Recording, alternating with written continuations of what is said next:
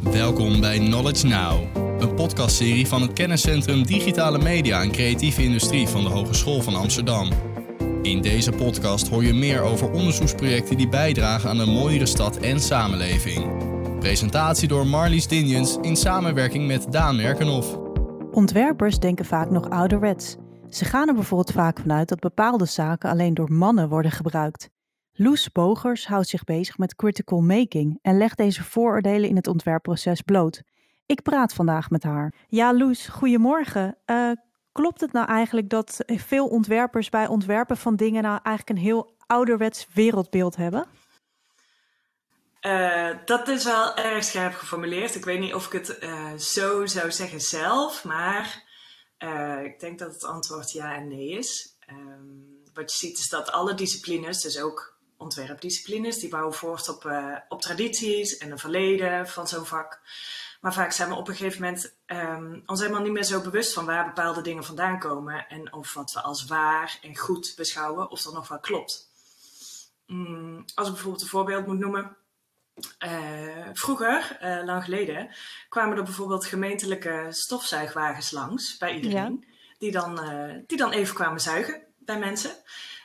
omdat het helemaal nog, niet, helemaal nog niet gangbaar was om zelf een stofzuiger te hebben. Dat was gewoon heel erg nieuw en heel erg duur en geavanceerd. Dus kwam gewoon een gemeenschappelijke stofzuigwagen langs. En nu hebben we stofzuigers ontworpen vanuit het idee dat iedereen en zijn moeder er eentje in huis moet hebben.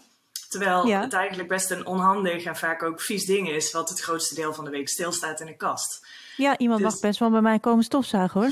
Ja, toch? Ja, nou, dat is best een goede gemeente, gemeentedienst, denk ik. Um, maar het is ook best wel zonde, want je hebt al die apparaten, maar eigenlijk staan ze meer stil dan dat ze worden gebruikt als iedereen er zelf in heeft.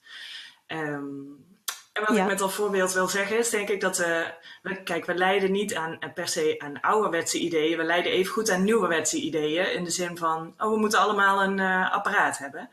Um, dus ik denk dat het meer gaat over, we hebben allemaal te maken met onbewuste aannames die we hebben. Als individuen, maar ook als, als, als mensen die behoren tot een beroeps, beroepsgroep.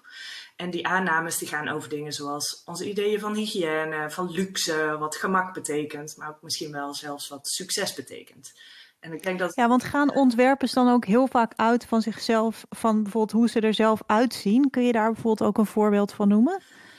Uh, ja, dat denk ik wel. Iedereen, iedereen leeft toch voor een groot deel wel in zijn eigen bubbeltje. Um, en is opgegroeid in een bepaalde gemeenschap met bepaalde mensen om je heen. Je woont in een land en je herkent in elkaar gewoon bepaalde dingen. Hè? Op een gegeven moment wordt het gewoon de situatie waarin je opgroeit. Um, maar we hebben nog steeds wel, uh, hoe, ja, we hebben nog steeds veel aannames die aan het werk zijn in ons denken en doen, denk ik. Uh, ja, kun je daar een voorbeeld van geven? Nou, bijvoorbeeld, stel je bent een ja. ontwikkelaar en je ontwikkelt een slimme webcam. Want je denkt, ja. nou, dat is eigenlijk heel fijn. Als ik die webcam nou zo kan programmeren dat die meebeweegt in mijn hoofd, dan, uh, dan, kan, dan kan die camera dat automatisch doen en blijf je altijd mooi in beeld bijvoorbeeld. Nou, hartstikke goed.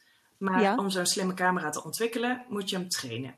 Dus moet je een bepaald algoritme trainen, zodat hij herkent, dit is een gezicht, dit is de achtergrond, dit is wanneer die beweegt, dit is wanneer je mee moet gaan.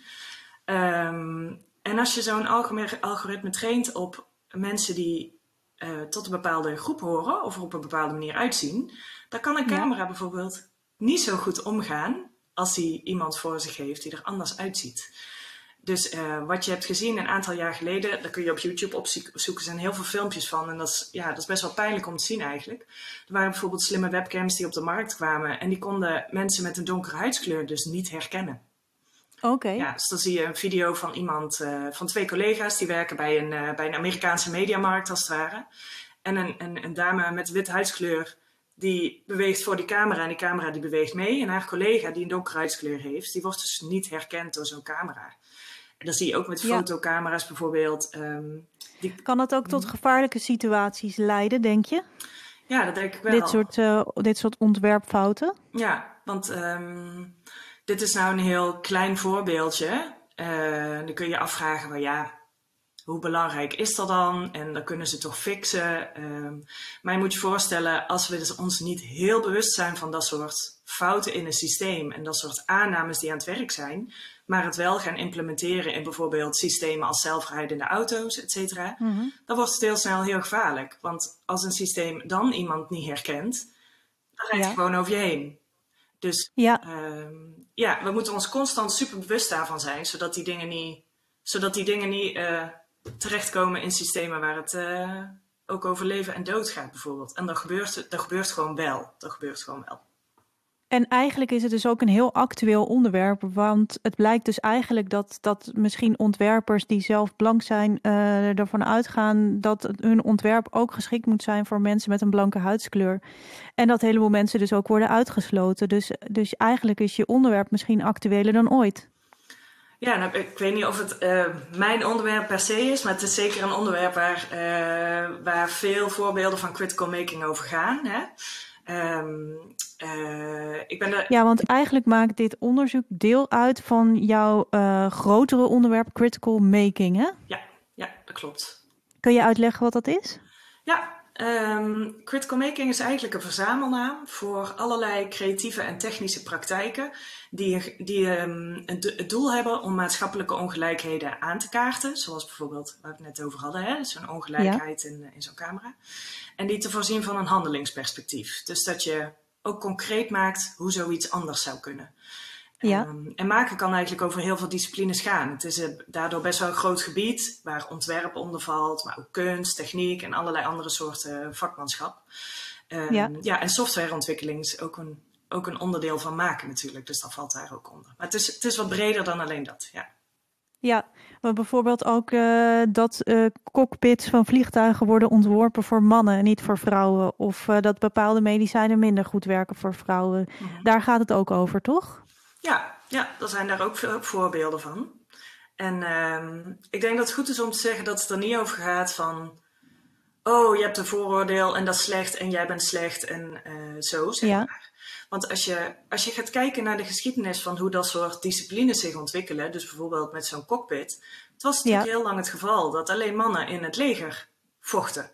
Omdat Ja. ja. vrouwen konden daar niet in. Dat, dat Nee. is misschien wel bekend. Ehm, en dat ontstaat dan uit een situatie waarin dat wel klopt. Maar dat is natuurlijk nu al lang niet meer zo. Nu zijn er ook vrouwen en eh, alle andere eh, mensen in het leger. Wat misschien destijds niet het geval was. Dus toen sloot het misschien wel aan op de realiteit. Maar Mhm. dat is al lang niet meer zo. En heel vaak zie je nog wel situaties, en die zijn ook eh, veel onderzocht. En er zijn veel mooie boeken over geschreven. Waarin je ziet dat dat, dat nog lang doorwerkt in hoe dingen worden ontworpen. En ik denk dat critical making een manier is om dat te proberen soort van zichtbaar te maken, zodat we het ook kunnen doorbreken. En dat diensten en producten en services ehm, ja, voor meer mensen gewoon goed ontworpen worden eigenlijk. En waar begon bij jou die fascinatie voor dat onderwerp critical making? Oh, waar begon die fascinatie? Nou, het zit, het zit een beetje in mijn eigen opleiding, denk ik. Ik heb, ehm, ik heb een opleiding culturele studies. En eh, culturele studies is een, ja, dat valt onder de geestes- geesteswetenschappen. En die, die kijken heel erg naar cultuur. Die kijken naar cultuur, naar geschiedenis en hoe Mhm. dingen zijn ontstaan. Ehm, en die hebben veel goede modellen om te begrijpen dat de manier waarop we dingen doen, die zijn niet vanzelfsprekend of natuurlijk. Maar dat is een samenspel van cultuur en gebruiken en normen en waarden en machtsverschillen ook. Dus het feit dat bepaalde mensen die macht hebben meer profiteren van het een dan het ander en daarom dingen op een bepaalde manier gaan doen.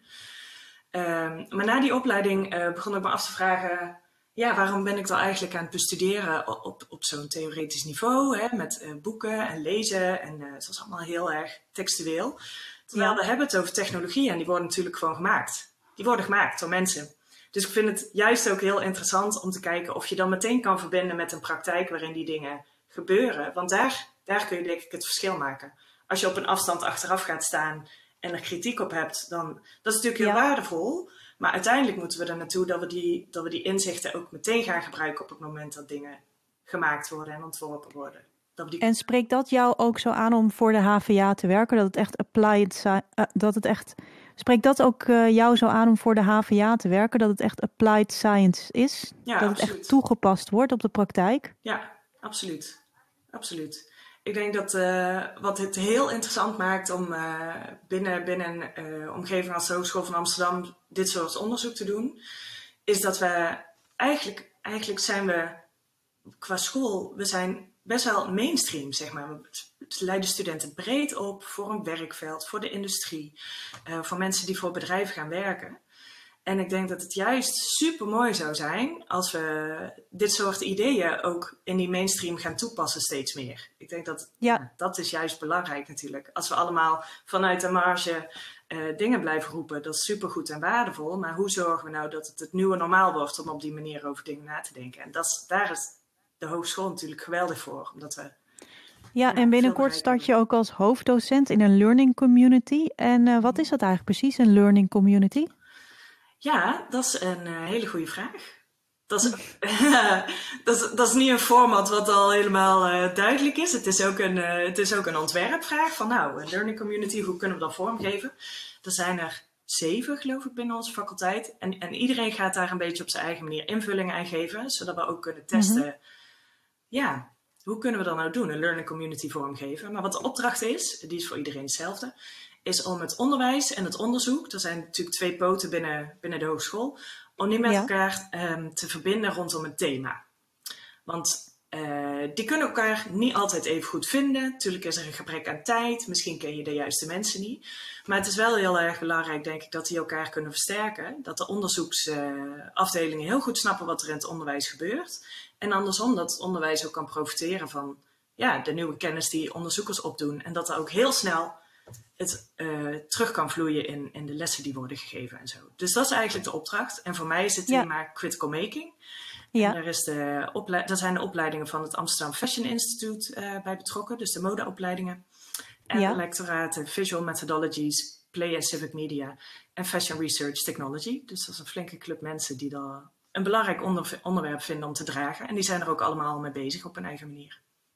En gaat dit ook bijdragen, denk je, aan een uh, betere kledingindustrie, uh, deze samenwerking ook met Amfi?